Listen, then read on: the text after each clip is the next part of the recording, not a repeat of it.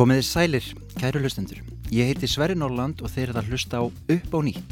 Þátt þar sem við endurhugsum heiminn, endurskoðum heiminn og, ef vel gengur, endurnýjum jafnvel heiminn. Upp á nýtt er tilraunastofa og kannski hefnast tilrauninnar, kannski ekki. Kannski verða hættulega sprengingar og við fljúum á hausinn, jafnvel á rassin, en það er líka allt í lægi að detta stundum á rassin. Þá bröldu við bara aftur á fætur, sléttum brosandi úr kuðlaðri skirtunni og höldum ótröð áfram, bein í baki. Upp á nýtt er líka leikherbyrgi, eða jafnvel leiksvið og ekkert er mikilvægara í mannlegu samfélagi en leikurinn.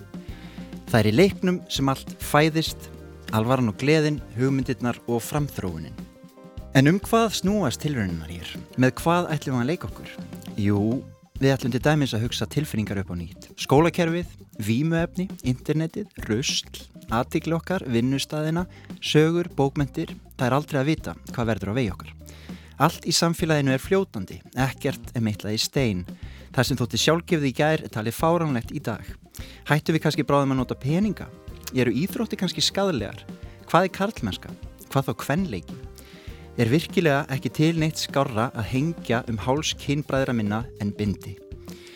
Hvers vegna er mikilvægt að hugsa verölduna sífælt upp á neitt? Jú, við mennirnir erum vanaverur sem óttast breytingar. Við samþykjum hæglega að hlutinir séu og eigi að vera eins og við þekkjum þá. En það getur líka verið svolítið hættulegt. Stöðnun í hugsun er náskild leti og framþróun strandar á vanahugsun. Og heimurinn verður líka bara svo leiðinlegur þegar allt festist í sama kökuforminu, breytist í sömu skúfukökuna. Í upp á nýtt ætlum við sem sagt að endur skoða hvernig hugsa má um stóra jamt sem smáa hluti í veruleika okkar og reyna að nálgast á úr óvæntum áttum. Þetta eru stór orð og ég er orðin svolítið stressaður að því einu að hlusta á þessar svimandi yfirlýsingar berast af vöru mér. Hvað er maðurinn að hugsa? Er hann ekki algjörlega stjórnlaus og með mikilmennsku brjálaði? Nei, það að hugastar sem er mín ráði engan veginn við þetta stóra verkefni kemur nefnilega ekki að sög því ég ætla að fá til mig góða gesti. Og hingað eru komnir þeir þrýr fyrstu. Fyrir það er ég þakkláttur. En áður en ég hleypiði með mér inn í tilrunastofuna ætla ég að viðra þema fyrsta þáttarins sem er tilfinningar.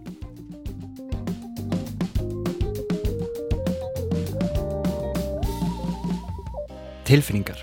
Að láta tilfinningarna ráða, að hafa eitthvað á tilfinningunni, að vera á valdi tilfinningana, að særa jafnvel tilfinningar einhvers.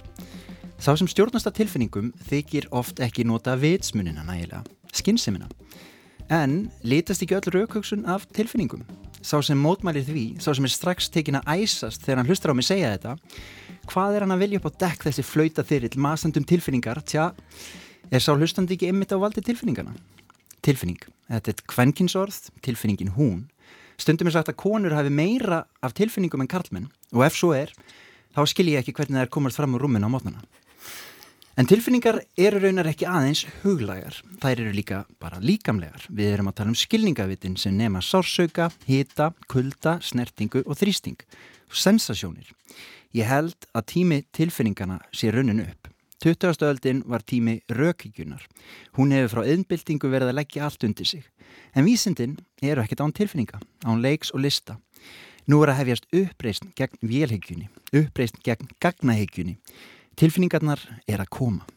Tilfinningarnar munu læðast aftan að okkur og tilfinningarnar munu bjarg okkur.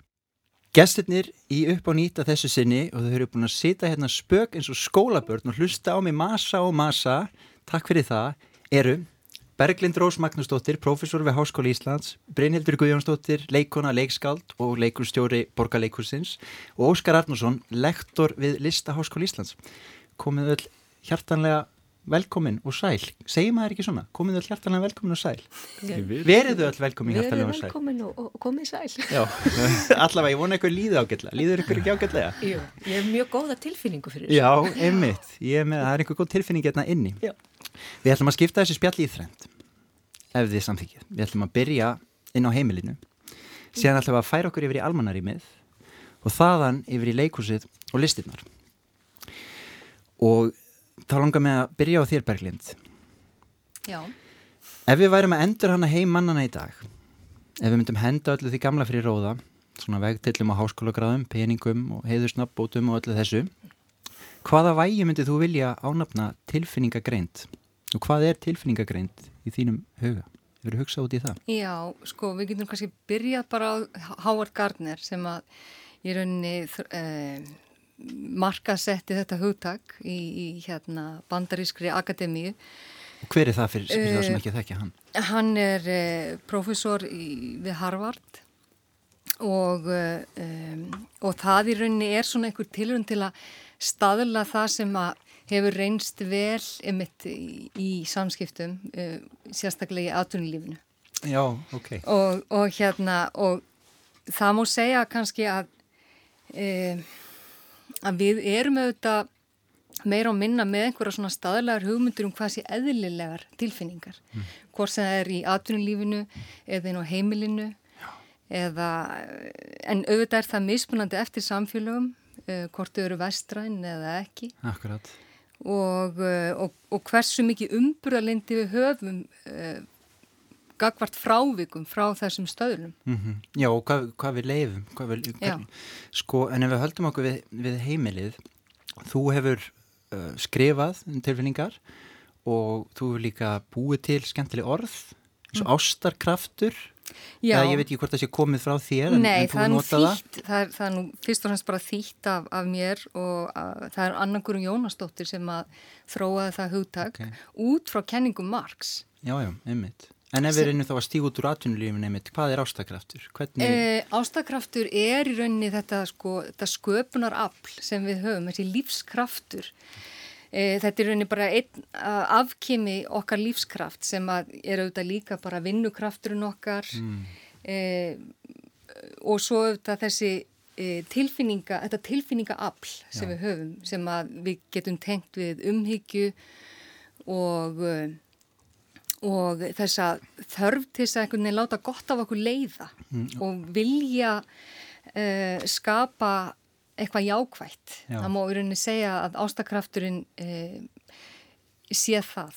Og, en þetta er nátengt svona líka svona tilfinninga, tilfinninga vinnu, er það ekki, Jú. er þú þeir sem viðhalda samböndum, þriðju vaktinni, þessi, allt þetta sem heyrist meira og meira núna? Algjörlega og sko það er nefnilega málið að, að eh, annarkurun setti fram þá kenningu að e, það væri rauninni verið að arðræna þessum ástakrafti í miklu meira mæli hjá konum en köllum. Já. Uh, og, uh, og það ekki síst inn í, í engalífinu og inn í, í samböndum mm. sem sagt uh, og svo þetta í öllum þessum umhyggjustörfum þar sem að konur eru miklu meira hluta mm. þannig að ég tala nú ekki um konuna sem að er ítla gift og er að vinna á leikskóla mm. í, í mjög fjármjörnum leikskóla þar sem er hérna mjög þröngt innan hús, mikill eh, eh, og kannski undirmannað, nánast engir fagmentaðir og, og, eh, og er svo eh, jafnframt eh, eh, kannski hefur komið inn í lífsitt með takmarkað magnaf svo kvöldu tilfinninga auðmagni. Mm -hmm. Sem er þá svona líka stöðningsnet? Jafnvel, Já, sem er raunin bara ræturnar Já, og og hversu mikið öryggi, efnaðarslegt, tilfenglegt öryggi þú hefur búið við í æsku. Já. Þannig að það má kannski segja að, að, eh, þessi kona sé í mjög mikill að hættu á því að, að brenna út, brenna út. Uh, og verða fyrir, já, talsveit miklu arðuráni á sínum ástakrafti. Já, þetta er opaslega áhugavert allt saman og þarna, en ef ég spyr ykkur eins og Óskar, er þessi hugtök ný fyrir þér, tilfinning að vinna, ástarkraftur? Uh, ég held að ef ég skildar rétt þá held ég að allan heirt svona einhverja útgáfu af þessu áður. Um, að þetta sé, ef ég skilja þetta út frá eins og þú nefnir að þetta sé einhvern veginn sko þróið út frá marxískum hugtökum þá sé þetta í rauninni bara sá vinnukraftur í rauninni sem er ekki mældur uh, af hennu kapitíliska hagkerfi. Uh, og þá hugsa ég og, og þetta sé í rauninni þeir hlutir sem að mælast ekki mælast ekki inn að kapitalismas einhvern veginn. Þannig að, þannig að til dæmis ég, þetta mér til að hugsa bara sko að þegar við erum að tala um heimilið um, og svona viðhald heimiliðsins sem heimili sem svona einhver svona hérna mm -hmm. þar sem að uh, tilfinningar binda fólk uh, viðhald, viðhald þess heimilis það er í rauninni ástakrafturinn og þetta fær mér til að hugsa um sko bara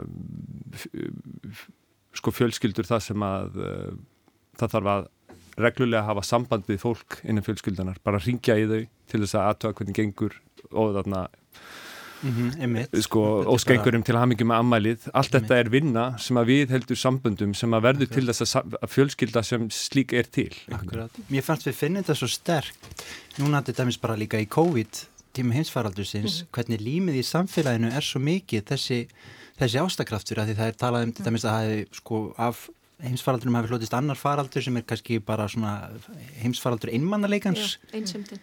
Og þannig að, þannig að þetta er svolítið límið í samfélaginu. Þannig að hvað getur við gert? Og nú ben ég árið mínum til þín Bryndur til þess að reyna að meta meira þessa vinnu mm. sem kannski er svona svolítið þunga meðanlega samfélags. Hvernig getur við ítt þessu meira þú veist, inn í ég er ekki að segja með ítt þessu inn í kapitalism en bara að við metum þetta meira verleikum Ég held að þetta sé óhjákvæmulega bara inn í, inn í kapitalismannum líka vegna þess að, að þegar við syklum í strand með tilfinningar okkar þá verður kapitalismin að, að, að taka á móti mm. og dreifa.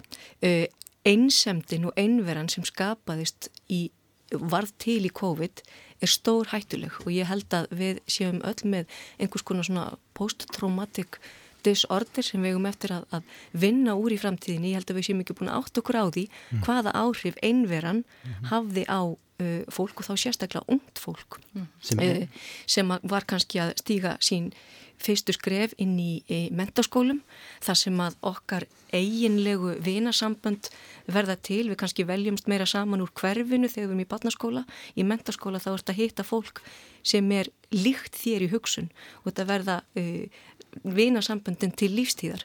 Uh, þetta held ég að, að já, börnun okkar sem að þurftu bara að vera heima og fóru ekki á neitt skólaball og tengdust engum uh, eðlilegum tilfinningaböndum uh, þetta þurfum að passa upp á. Og svo gamla fólki sem að lokaðist inn og, og tala nú ekki um þá sem eru lastnir og, og, og eru búin að vera í svo kallari verndarsótt kví uh, mm. allt COVID. Um, Ég, ég starfa við tilfinningar og, og, og sísla með tilfinningar alla daga mm -hmm. og er mikil tilfinning að vera vilja meina og hérna, og það versta sem ég veit er að vera skömmu fyrir tilfinningasemi mm. það er algjörst eitur mm. um, við höfum fundið það í, í okkar starfi að fólk sækir í samveruna og það sækir í tilfinningarnar og það eru miklu stærri og miklu meiri og erfileikar inn á heimilum að því að við byrjuðum þar mm -hmm. erfileikar inn á heimilum er að kristallast núna og við sjáum þingslinn sem fólk ber í fanginu mm. um, bersýnilega á til að mynda bara gestum okkar í leikúsinu. En mér finnst líka bara svo, svo áhugavert líka að hugsa um sko, tilfinningar sem anstæði við einhverja raukhugsun. Magna. Eitthvað svona kalthamrað mm -hmm. að þegar ég, ég, ég hef svo sem aldrei skilið það nákvæmlega sjálfur, það hefst náttúrulega allt í einhverju tilfinningu. Mm. en, en ef við hugsaum um dæmis, og oft er það líka kvennlegt og karlmannlegt, mm -hmm. eða karlægt, eða stóða það sé nú kannski eitthvað að breytast. En ef við tökum þetta dæmis heimilið sem bara rýmið að stopnin í samfélaginu mm. fyrir þá virðist mér sko oft til þess að reyka heimili þurfur hvað mest að harka af þér og halda öllu gangandi og, og, og bera sko einhvern svona tilfinningarlegan þunga mm. að því allt gangi upp og það hefur náttúrulega í svona áratöðunar áskast svolítið lenda á kallmennum en það er farið að breytast. Já, að draga Björki bú þá Nei, nei, ég er að hugsa um bara sko að því að, að, því að sko heimilið Já. það er oft einhvern veginn, þú veist, það er þótt, þar var, var heimavöldu konar, þetta er að breytast og hefur breyst mikið. Og svo séðan fyrir utan þá eru það kallanir að dræfu sem já, betur fyrir, já. er þetta ekki svona lengur. Nei. en góð heitli já, allavega. En, en, en, en þetta með sko, með bara að, að sko, að axla, veist tilfinningar mm og, og, og, og þetta, þú veist, þetta krefst svo mikillar hörku, það er svo mikið tilfinningarlegt álag inn á heimilinu. Kallmaðurinn náttúrulega mátti ekki vera að bera tilfinningar sínar einhvern veginn og alls ekki torg. Nei, en máttu konur það frekar? Já, ég held, það var ekki konum leift að gráta, þú ætti kvenlegt að gráta og það bara, bara tárum voru þurkuð í svunduhotnið og, og svo var jólastekinn borin á borðið. En, en þetta með tilfinningar en á heimili, uh, við erum sem betur fyrir farin að tala um uh, heimilisofbeldi og heimilið er þann, þarna byrjar allt og ef að börn verða fyrir tilfinningulegu ofbeldi inn á heimilinu sínu, mhm. heimili það sem er stöðug spenna, mhm. heimili það sem að fólk uh, þú, þau bara, þau langar ekki inn á heimili, þú, fe, þú felur þig. Manneskja sem að gengur upp á heimili sínu og langar ekki til að stinga leiklinum í skrána. Þetta eru, þetta eru, þetta eru rosalega stórt og þetta blæðir allt út í samfélagið og þess vegna kem ég aftur tilbaka. Þess vegna það er kapitalismin að taka á mótið í öllu og það er hann sem að bara býður skada og verður vesku að, að, að borga. Já. ef við getum ekki hugsað tilfinningarlega hvort um annaðinu á heimilum Þú sagðir á hann að Brynhildur að kapitalismin væri þá með einhverjar, hann, hann breyðist við sko, er, er, er, er þið sammálað því, ertu sammálað því Berglindi dæmis? Uh, já, ég, ég áttum ekki alveg Brynhildur á hvað hvað vart að meina. Uh, Ert að meina þá sálfræði þjónusta eða ert að meina leikúsi þar sem er náttúrulega þú færð einhver svona geðhreinsun eða Hvort vekja skólakerfið, skólakerfið. Bara að því að, að því að á endanum þá þarf samfélagið að axla ábyrðina og mm. taka í fangið þannig að það eru er aðrar vélar sem að fara í gang. Það er kannski það sem ég er að meina. Og þetta er kannski líka svolítið að segja við hugsun svo oft um tilfinningar sem eitthvað sem kemur að innan en þeir koma alltaf kannski fyrst og fremst að utan. Já, sko, ég, langar, ég, nú skil ég hvað átt við Já. og ég er alveg, alveg sammála þessu að það, ekkit, það gerist ekkit í tómarúmi.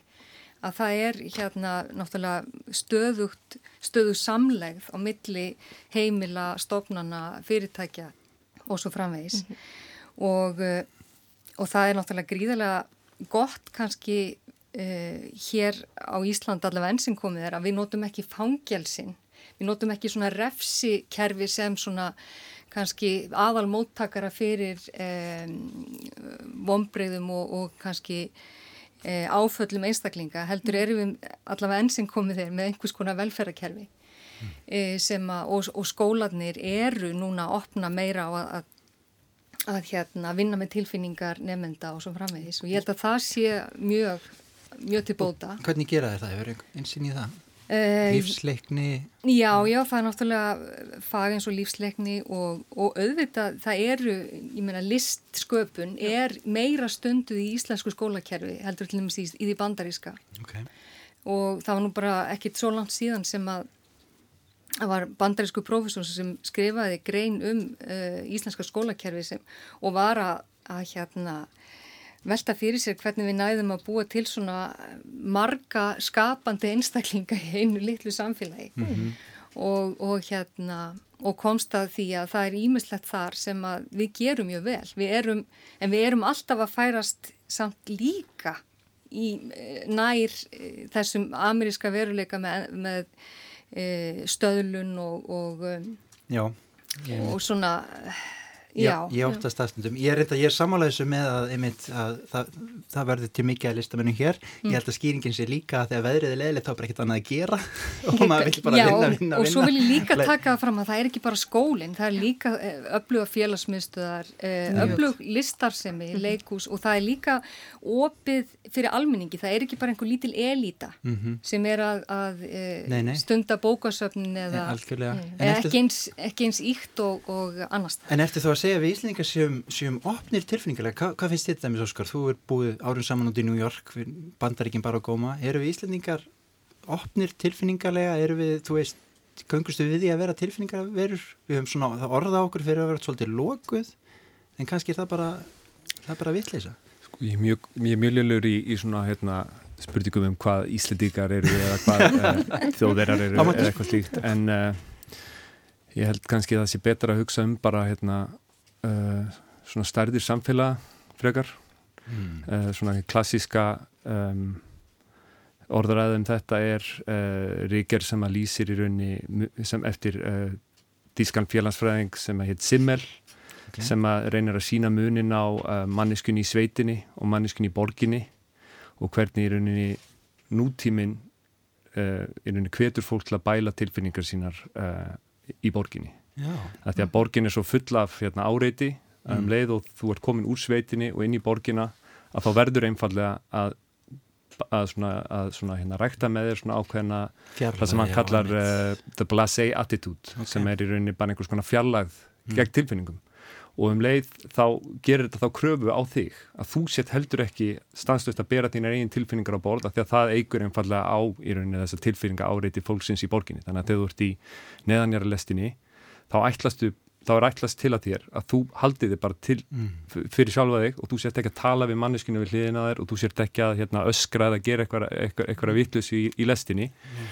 og, uh, En ef þú ert út í sveit En í sveitinni, þá þekkja þig allir þekkir. og þá ber fólk kannski eitthvað umbörlindi gegn því og það er ekkit óðurlegt þar að bera sína einn tilfinningar þannig að ég myndi freka vilja En getur þetta ekki útskýrt svolítið að mér fannst ástakrafturinn á Íslandi svolítið sterkur á tímum COVID með að við til dæmis held ég víða í starri borgum og bandaríkunum getur ekki þetta útskýrt svolítið að borgin okkar enn og ekki það stór sko? Við, við erum sveit öll, sko, við erum sveit við erum bara sko. þorp, við erum lítið þorp. Já og kannski, kannski ekki síst þá að það að þá varstu kannski bundin við þinn stað og þá varstu mjög fljótið í mann til dæmis, ég var akkurat í, í, í New York á þessum tíma þegar COVID skall á og þá er það fyrsta sem þú gerir þegar það er búið algjörlega að loka heiminuðinum og þú veist að þú, þú getur ekki hjálpa fjölskyldinni, þú getur ekki hjálpa hinum á þessum, þú getur kannski gert það með að tala við þau en síðan byrjar að kíkja á nágrannaðin fyrir neðan þig, fólki hinum við göttuna svo það hefur kannski aldrei beinlinni skert en allt hinn byrjar þessi hlutir að, að skipta máli að því að það er eina sem þú getur gert Já. í stöðinni. Mm. Tengingin, opnast einhver tenging, ég heyrði svo mm. fallega að sögja að konan sem ég þekkja sem býr í París hún er svona 60 eitthvað ára gummul og þetta getur verið romantísk gammynd, þetta ætti eiginlega að vera romantísk gammynd. Þetta kannski getur farið líka á sleiksvið. þetta? Er sem sagt að hún býr einn þarna í rosalega falleri íbúð og þarna á fínum stað og hínum með göttuna býr sem sagt maður og söpu um aldri. Já. og þau fóru alltaf út á kvöldin til að klappa og þau litist alltaf í augun. Þau verið að klappa oh.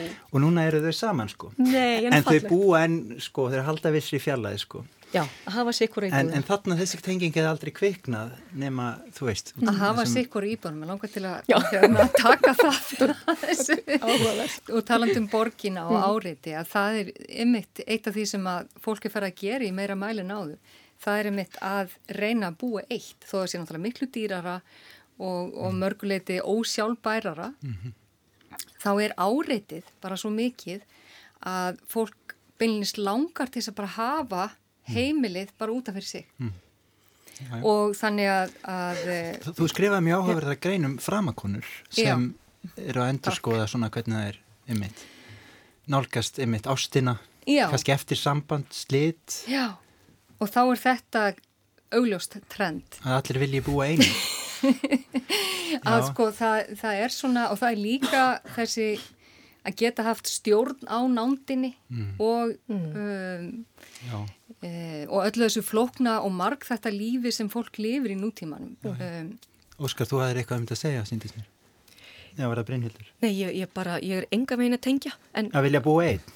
Já, nei, ég, ég bara ég þarf miklu meira samneiti og, og hunda og ketti og Og, og, og, og knús og mann og ég helst ekki að dóttu mín farið þó hún sé 21 árs og hérna Nei, ég er eða svolítið þar lang... Því að þetta hliður mín batteri mm -hmm. og ég held ekki að þetta engan frama átt alveg íbúð Og þá kannski spyrjum við, þú veist, er það heimili að búa einn?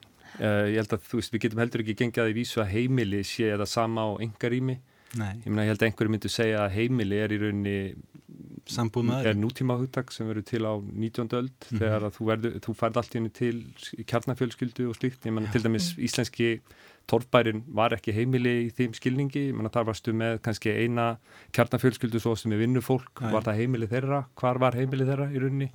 Já, en nú verð ég einmitt að fá grípinni vegna að þetta kemur til eins og þú nefndir á þann af ákveðni reynslu að þær mm -hmm. hafa haft reynslu af möglu arðuráni á eigin ástakrafti mm -hmm. og þetta er þá einhvers konar vörð sem þær byggja sér upp til þess að, að já, hafa kannski meiri stjórn á því eh, hvenar og hverjum og hvernig þær veita af ástakrafti sín. Mm.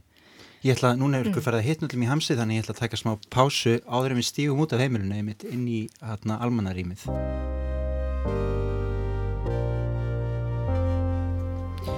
Þeir eru að hlusta á upp á nýtt þátt þar sem við reynum að endur hugsa heiminn. Ég heiti Sverri Norland og hjá mér, hjá mér eru Berglind Rós Magnusdóttir, professor við Háskóli Íslands, Brynhildur Guðjónsdóttir, leikustjóri í Borgarleikusinu og Óskar Arnórsson, lektor við Listaháskóli Íslands. Við erum búin að vera að hugsa um tilfinningar, tilfinningar inni á heimilinu, tilfinningar í heimsfaraldri, hvaðan þær koma og hvað þær eru eiginlega en núna ætlum við að stíga út úr heimilinu og hugsa aðeins um umhverfu okkar því að landslægi lætur okkur sannlega líða á vissan hátt, borgirnar, allt sem við sjáum í kringum okkar. Við hljótum að vilja hanna umhverju okkar með veljiðan okkar í huga en það hefur það stór áhrif á andlega heilsu okkar og líðan. Og mér langar að spyrja þig Óskar þarna, þú ert mentaður í arkitektur frá Columbia háskólanum í New York og ég hefur miklu meiri insinn í það hvernig við höfum síðustu öldum hannað húsin þar sem við búum byggingarnar okkar. Er einhver hefð fyrir því að hugsa sko, hugsa byggingar út frá því hvernig fólkinu líður sem horfir á þeirra hverjum degi, sem býr inn í þeim? Eða hefum við alltaf svolítið látið bara mótast af uh, notagildi byggingarna Já, um, þetta er stór spurning og nú hefst læriður fyrirlestur þannig að þetta er bara að stoppa mig af þegar, þegar að, hérna, ég fann að tala mikið en hérna, mér dætti í huga að byrja bara að fara aftur til uh, Edmund Spörk sem Já. að skrifa þessa ríkjærðum hérna On the Sublime and the Beautiful uh, og þar í rauninni bildir hann fagufræði vestræðnar uh, já, þar bildir hann vestræðni fagufræði með því að segja sko að, að fegurðinn hún fæst ekki úr uh, einhverjum fyrirframgefnum hugmyndum eða hlutföllum okay. heldur fæst hún einfalla á hughrifónu sem það hefur á manniskunnar þannig að hann byrjar í rauninni að hann nota ljóðlist sérstaklega en þetta ánáttúrulega við um alla listir. Hann segir í rauninni að, að alla listir þær framkalla einfallega tilfinningar og það er það sem að list gerir og það er fagufræði og það sem að, hérna, og það sem að skáld gera er að þau bara leika sér einfallega með þessar tilfinningar og hann talar um að það séu svona tvær sérstakar tilfinningar sem að skáld og listamenn hafa úr á móða og það séu sem sagt hið fagra og hið svona hérna ægifagra myndum maður að segja, the sublime. Uh, og, og, all, og, og þess, þessi svona hérna, þetta sé hýður uh, rófið í rauninni sem að listamenn hafa, hafa geta leikið sér með. Og eftir þetta getur maður ímyndið sér að þarna bara verður algjör bilding í, í rauninni til dæmis í arkitektúra fara, og sérstaklega í landslasarkitektúr mm. garda hérna Garðar í Englandi byrja að vera hannaðir akkurat eftir þessu stundum átt að hérna, líða eins og þú sért í einhvern dimmum skógi og stundum áður að líða eins og þú sért eitthvað svona svakalega flottum lundi og, og að, að, það er verið hægt að framkalla þessar tilfinningar frá umhverjunu mm. og þetta er náttúrulega hérna, náttúrulega svona um, byltingakent hugmynd en hefur um, um leið svona einhvern veginn sínar skuggalíðar Og þetta verður ekki beint lifað inn í samtíman er, þetta er, hugsað fólk svona í dag? Já, ég myndi segja það, það er akkurat þessi hugmynd um að umhverfið hafi einhver ákveðin áhrif að þig. Já. Og það er í rauninni sko það sem að fólk heldur alveg fram að í rauninni sko mótenismannum, en mótenistarnir byrja í rauninni að hafna þessari hugmynd að, okay. að, að, að þú, að mannesku sé einfallega margar Já. og það sé engin einn mm. tækni eða einhver einn hérna, mm. ljóðlistar form eða eitthvað slíkt sem að lætiði líða á einhvern ákveðin hátt mm. og það eina sem að það getur gert er að það getur í rauninni representera Ok, ég, ég, ég, ég er svo grætlum, grætlum, ég finnst þetta ekki endur speiklast þetta mis bara í nýjustu byggingum í Reykjavík og mér finnst, finnst ef ég færi þetta bara inn í, inn í svona hverstarsleikan og, og ég mm -hmm. hugsa oft sko að við getum sparað miljardar í heilbreyðiskerfinu ef við leiðum meira áherslu á fegurðina í svona borgarlandslæðinu og bara í kringum okkur að því að minnir einslu þá líður manni betur í fallegu umhverfi Já. sem leiðir fólk saman mm -hmm. og, og, og ég skil ekki af hverju við notum svona mikið að gráum og svörtum lit í landi þar sem er dimt stóran hlut ásins. Ég get verið í, í fimm daga í, í Söðu Fraklandi og ég kem endur nær tilbaka og mér líður eins og ég sé búin að vera í þryggja mánuða frí. Mm. Uh, ef ég þarf að ganga um einhverja borg, einhver staðar í glænýja borg í, í Nóri eða Svíþjóð, þá kem ég bara þreytt heim. Mm. Og mér finnst uh, svo uppbygging sem átt hefur sér stað í Reykjavík ekki neitt sem að gerir eitthvað fyrir mínar tilfinningar, ekki til að lifta þeim, ekki til að búa til liti og auðgar ekki minn anda og liftar ekki minni sál. En þingir ég aðbel tilfinningarnar? Já, já, þetta er bara, þetta er ekki neitt og, og andlegur döið er náttúrulega ömulegusti döið sem hægt er að hugsa. Ég ætla þú fann ekki að halda þig fram reynið að þú sett andlega döið. Nei, en bara, síður en svo, síður en svo, en, en bara þessi... Uh, þessi einsleitni það er allt eins, allar í, nú, nýjar íbúður sem eru til sölu, þetta er nákvæmlega eins, það er sama gráa flísin og mm -hmm. það skiptir ekki máli, bara hvað er þessi íbúð, er hún í miðbar Reykjavíkur, er hún í Grafavogi, bara hvað er hún, þetta er allt eins. Já, en það er kannski ekki verið að byggja þetta með hagsmunni íbúan, íbúana endilega svona leðaljósi heldur freka frangandagælun en það er kannski hérna í annað spjall. Hvernig upplifir þú þetta Berglind? Já, ég Ég get að vissleiti tekið undir þetta og ég sé þetta bara hvernig til dæmis eh, e, já, vinnuumhverfið er að þróast að fólk má helst ekki hafa eitthvað svona heimilislegt eða eitthvað mm -hmm. svona mhm. personlegt það er allt einhver opin rými eða mm -hmm. verkefnamiður rými eða mm -hmm. e, það er svona hugmyndin þannig að e, já, svona af personuvæða e, Það hljómar alveg ræðilega, við þurfum að streytast gegn því. byggingar sko. Já, já, já. En, Þannig að það er, já, það er komin yfirlýsing frá stjórnvöldum og nú er Háskóli Íslands til dæmis að, að e, við erum að fara að flytja inn í, í Hótel Sögu sem saga verður e, hluti af Háskóli Íslands, e, einan hans aðal byggingum. Mm. Og þetta er, það, þar eru ákveðnar hugmyndur um að, að reyna að e, Já, hafa þennan gríðalega reyfanleika þar sem hann getur hámarka nótkunn rýmisins frekar en að hugsa hvernig fólki líði. Mm. Við erum, ekki, við erum eitthvað svo týnd í samtíman, við veitum ekkert hvað við... Sko, efstu hæðirnar á hótelsögu er náttúrulega algjörlega stórkostlegar, þvílíkt útsæð. Henni ávísu sem minnst að breyta. Já, það er bara ekki, og ekki snerta nei. við hérna dýraringnum í loftinu og bara allt þetta.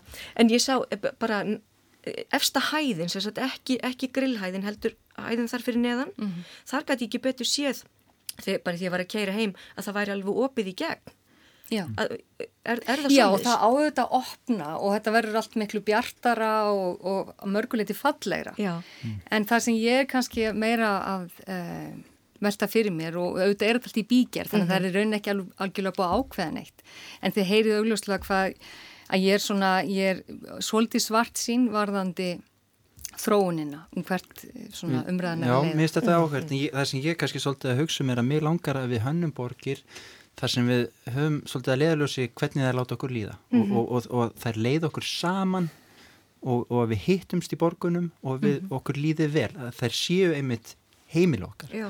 af því að þær eru það þær eru ekki einhver, þú veist, bara ofinber rými og alltaf einhver skýr, skýr, skýr, sko, skýrt skilgrein nótkunn og, og mm. skilvirkni og allt þetta. En skilvirknin er alltaf í öndvegi núna? Já, en, en, en, en ég held að við sem að vann með þetta einmitt til langt tíma oft, sko, hvernig þetta lætur okkur líða mm -hmm. og svo súpu við segið það því síðar meir.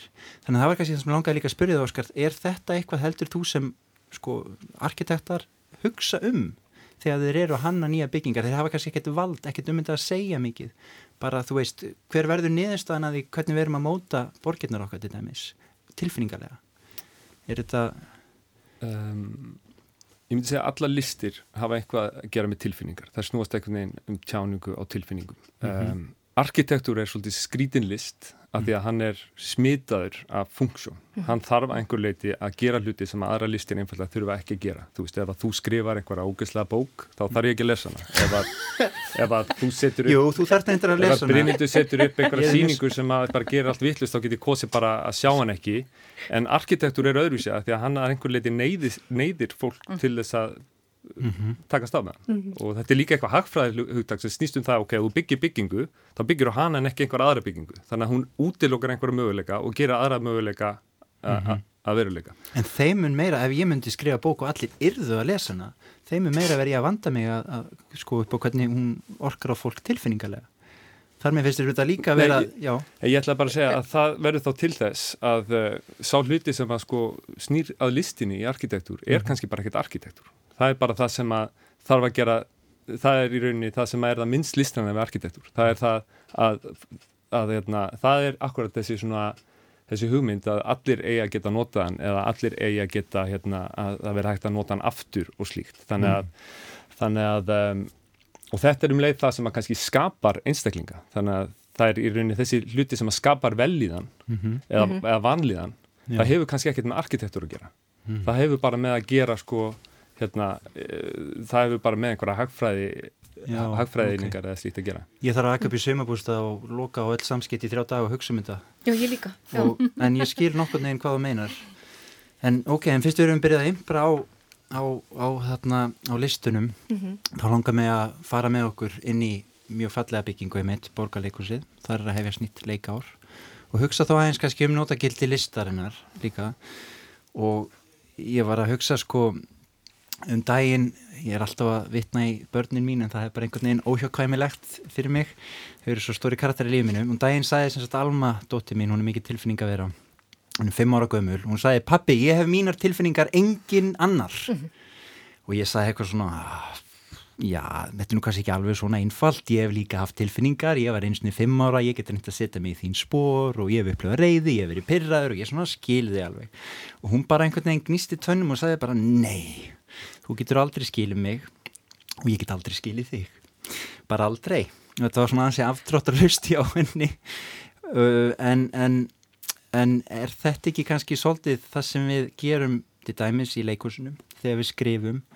Við erum ymmit að sína að við eigum þetta saminlegt allar þessar upplifanir allar þessa allar þessa allar þessa tilfinningar. Mm -hmm.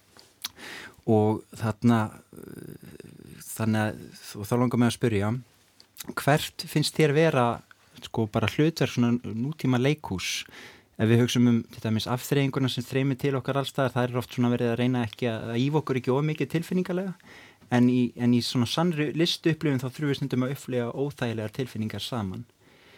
Um, hvernig sérður hlutverk borgarleikusins svona í þessu samingi? Afþreying eða ertu líka að reyna stundum að hrista upp í okkur? Ó, nú fóstu svo í viðaföld, ég var, ég var að hugsa um dóttu þína fyrst mm. og ég var að hugsa um þetta samanlegu tilfinningar sem við sannarlega eigum og ég, ég er algjörlega, ég, ég veit hvað dóttu þín er að meina og ef ég má fara aðeins inn í það, ég, ég á fullortna vini og ég hef heyrt svona samskipta á milli hjóna uh, uh, þau, konan á, á bann frá fyrir hjónabandi maður nú ekki bann og það var, var eitthvað samtala á milli þeirra og maðurinn sagði eitthvað og konan sagði bara já en ég veit bara ekki hvernig þið líður þannig ég get ekki sett mig inn í það mm. mér fannst ég hins vegar geta sett mig í spórmannsins sem að átt ekki bann og langaði til eignast bann mm. það er bara, en, en sko við verðum að trúa á og treysta á samanlegu tilfinningarnar. Þó svo að ég sé pínu sammála dóttuðinni stundum bara, já, já. Um, uh, leikúsið er og, og verður um, alltaf saminandi afl og eitthvað sem að, sem að uh, uh, sá vettvangur þar sem við vegum að geta komið saman og upplifað. E, hvað borgarleikúsið akkurat í dag var þar þá bara þá erum við með, með, með góða blöndu af einhverju sem að, sem að skemmtir allþýðumanna en okkar aðal er að segja sögur sem skipta máli Já, og einmitt. vegna þess að við erum hérna manneskjur og við verðum alltaf að vera að fara yfir alla mannkynnsöguna og reyna að gera það sem við getum til að verða betra fólk og búa til uh, betra samfélag Mm, og mér finnst líka svo fallet við þessa upplifun, ég er mikill, mér finnst mjög gaman að fara í leikus og setja í sál með öðru fólki og upplifa eitthvað með því Já. og ég er líka mjög mikið, mjög gaman að ég fara í kvikmyndahús og horfa bíómyndi þannig og mér finnst einhvern veginn þessi kraftur að upplifa eitthvað svona með öðrum er svo mikilvægur. Þegar allir taka andkvöf saman, þegar allir springa á hlátri á sama tíma, það er þetta sem við erum að sækjast eftir. Mm -hmm. Fólk tekur bakföll og okkur leið öllum eins. Þetta er stórkostlegt og ef þetta hliður ekki batteri mennskunar og, og, og sendur okkur út bara uh, full af einhverjum stórkostlegum anda, þá veit ég ekki hvað. En þarna, en, og þegar það gerist, þá erum við öll alma, finnst mér. Þá skiljum við hvort annað, það er það sem ég er að, svolítið að reyna að segja, sko.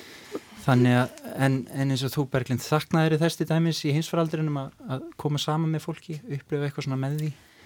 Algjörlega og ég held að bara öll þjóðin getið sammælst um það mm. að þetta var ótrúlega skrítin tími og, uh, og erfiður á, á margan hátt uh, en ég held á sama tíma þá hefur fólk kannski emitt fengið líka tíma til að líta aðeins meira inn á við mjög margin náttúrulega sko, verið að drukna í allt og mörgum verkefnum sem mm. einhvern veginn svona uh, urðu færri og um, þannig að ég held að fólk hafa kannski ennþá betur átta sig á mikilvægi þessa. Og komi kannski bara fíl eldara núna inn, inn í leikhúsin og, og uh, á alla þessa miklu viðburði sem eru hérna í, á Íslandi mm -hmm. ekki síst í borginni alveg gríðalegt magn. Mm -hmm. Það er mikið úrval Einmitt, en, en svo er það líka að mér finnst þetta sko að það er ekki hægt að endur gera þessa upplifun úr fjarlæð, við vorum svolítið að reyna það að skoða viðbyrði sko yfir skjá eða eitthvað og það getur verið frábært. En það er einhvern veginn, það er ekki það sama. Við, allavega upplifi ég ekki sömu tilfinningar þegar ég ger þetta úr alltaf þessari, þessari miklu fjarlægð. Mm. ég fæ ekki þess að svona einhvern veginn líka svona geðreinsun bara... Þetta er sami kennslu há, háskóla fyrirlestra eða hvaða er það, það er dýnamíkin sem skapast í, í, í samtalinu. Mm -hmm. Já Þetta um, ósýnilega X sem að bara allir mm. þrá að beistla en enginn getur nákvæmlega sagt til um hvað er. Mm -hmm. er og þetta er kannski mitt kjarnin í því sem þú varst að tala um með sko eh, að geta tengt saman eh, staðrindur og tilfinningar. Mm. Og það er akkurat það sem gerist í, í samtalinu, hvort það er í akademíinu eða, eða leikúsinu. Já, staðarindur og tilfinningar. Já, þar sem þú ert, kemur einhverja visku og, og þú færð e, mm. í rauninni endurgjöf og, og stöðut samtalu. Já, já, einmitt. E, einmitt. Sem að, hérna, og, og tilfinningarlega viðbröð. Einmitt. Og mér, þá erum við komin aftur svolítið í hring og við höfum hugsað með heimilið, ég á eins og til dæmis, og ég á svona vissa vinahópa, sem eru þá allt strákar eða kallmenn og mér finnst ofta þegar við hittumst, ef við erum vist margir þá, þá verða alltaf samræðunar út frá sko staðreindum mm. einhver segir kannski mér líður illa ég er eitthvað slappur Já. og þá kemur einhver svona staðreindadrifin skýring Já, það er af því að þú svarst ekki nógu vel og það hlýstaði á hljómarsnins og svona Wikipedia greina, sko. það er stórkostlegt. og, og þá, það er þess að ég hef, svona, mitt, hef áhuga tilfinningum og mér svona eins og það vandi oft svona einhvern bara orðaforða og, og svona þór til að stíka út með sko, það Þetta er mjög góð punktur hjá það vegna þess að það er náttúrulega heilmikið verið skrifað um hinn svo kallega svona þerapíu veruhátt mm -hmm. e, sem að konur verðast hafa þjálfa mun meira með sér en, en kallar mm. á meðan þeir eru kannski meira bara svona að leysa vandamál. Jú, hann varpar fram hér einhverju vandamáli já, og, og, og kall með fara, já það þarf að leysa þetta Já, og mér finnst þetta mjög heillandi. Í, í staðan fyrir að taka svona þerapíska uh, nálgun. Mm. En ég er ekki, já, leðilegt að alltaf í dilka kallar og konur og mm. við erum öll, blandaður þessu öllu, já. en ég hef upplegað þetta sjálfur, þess að ég hef skrifað eitthvað mm. og ég set ekki fram endilega skýra afdróttarlösa, sko, lausn á einhverju vandamáli og ég meira bara veltaði fyrir mér að því ég held að það sé með svona þerapía að ræða hlutina saman. Mm -hmm. og, og, og það er mikilvægt. En ég fengi sundum á mig þú veist, þú setur ekki fram neinn svör. En ég ætla kannski ekki að gera það. Akkurat. og það er, er ófærslega svona einhvern veginn það er einhvern veginn svona svolítið svolítið, svolítið karlægt Mjög, mjög personubundi sumir, taka einhverjum svona samræðum og, og líta á það sem einhvers konar verkefni á meðan maður setur kannski einhverju hugsun bara fram sem ég, ég veit ekki, bara einhver, einhvern svona lit til að setja á milli fólks. Mm -hmm. fattu þið hvað ég á veið mm -hmm. en, og, og það átt enginn lausn að koma út úr því en hver og einn getur kannski tekið úr því örlíti kottn og, og liði kannski pínu betur. E, það, það er eitt sem í kominga þá ég sá á Facebook svona mynd og ég veit ekki hvort þetta er, ég nú ekki mikið vita á, á, á nákvæmlega anatómiu en það var að því ég virtist mynd af heila og svo kom mæna og síðan bara langar taugar. Og ég spyr mig, er hægt að skræla svona innan úr mannesku en þetta stóð svona þessi vera býr innra með þér og stýrir öllu sem þú gerir. Og mér fannst þetta bara eitthvað svo stórkoslegt að því að ef eitthvað þá myndi þetta bara á alien. Já, ég, ég, ég, er, já, ég er ekki læknisfræði Við erum náttúrulega hálfgerða gemurir en við getum reynd að skilja hvort annað og kannski bara mér langar þá bara eins að klikka út hérna að lokum með einmitt hérna listinni eins og Óskar, þú lest mikið held ég. Já, eftir hvað höfum mikið tíma. Það er fyrir eftir hvað er, hvað, hvað er að lesa og ekki lesa. Sem fræði menn held ég að ég, seg, ég grínast alltaf með að sko doktorsnemar hafa eiginlega engan tíma til að lesa bækur að því að þau lesa svo sérstakka bækur að það er eiginlega ekkit hægt að kalla það bækur. Nei, einmitt, en sækjur í listir einmitt til að fá einhverju svona tilfinningarlega útráslósun Já, já, alveg, alveg svo Og hvað þá, hvað þá helst? Já, þá les ég og ég myndi segja. Ok, en, ekki, en tónlist og tón, Jú, bara alla, alla list. Ég myndi ekki segja að það sé eitthvað eitt frekar. Ég er kannski ekki alveg góður að fara í leikhús og martana en það er held ég eitthvað Nei. sem að gerðist bara þegar ég bjó Erlendis það er, veginn, það er miklu ríkari hefð fyrir að Íslendinga fara og sæki alla leiksýningar heldur en nokkuð tíma þar sem að ég bjó áður. Já, við fyrir saman í vetur. En þú Berglind, ertu mikill listunandi líka? Já, algjörlega leikhúsin, bókmyndir mm. svo er ég að byrja aftur í kór eftir fimm ára hlýja Já, það er líka tilfinningarlega losum þar og fannst það mjög dásamlegt og þau voru með þetta að lýsa kóræfingum í COVID hvaða hefði verið glatað. Syngja á súmunu, það er ekki alveg ömulegt. Já, einmitt. Þannig að þetta var mikið, var mikið gleði. Mm. En Já. þú Brynhildur, ferður stundum í leikús? Já. Nei, hvað gerir hann? Lestu mikið? Ég les töluvert en óhjákvæmilega það tengist það mikið vinnunni en, en tónlist er, er svona minn bjargvættur Mm. og mér þykir ofsalega gott að skoða myndlist. Einhvern veginn tónlist og myndlist það, það, það opnar, opnar heiminin og, og, og líka grefur stundum bara dýfstu, dýfstu skurðina en maður verður að, að þekkja augarnar, maður verður að þekkja eitt til að þekkja hitt Já. til að lenda einhver staðar í miðunni. Er það ekki bara frábær hérna lokavar? Líður ykkur ekki brákella hérna eftir að vera með mér klukkustundi eða svo? Jú, takk fyrir að leifa mér að vera með í, í þessu tilfinningarspjalli. Þjáðist ekkit verulega, sko. Nei, Já, takk alveg bara. ég þjáist alltaf í þögn. Takk kærlega fyrir að vera með mér hérna. Brynhildur Berglind og Óskar, við vorum að tala um tilfinningar í þættinum upp á nýtt þar sem við reynum eftir fremsta megni að endur hugsa heiminn og finna nýja fleti á honum. Ég heiti Sverri Norland og ég þakku fyrir að hlusta. Við sjáumst aftur í næstu viku.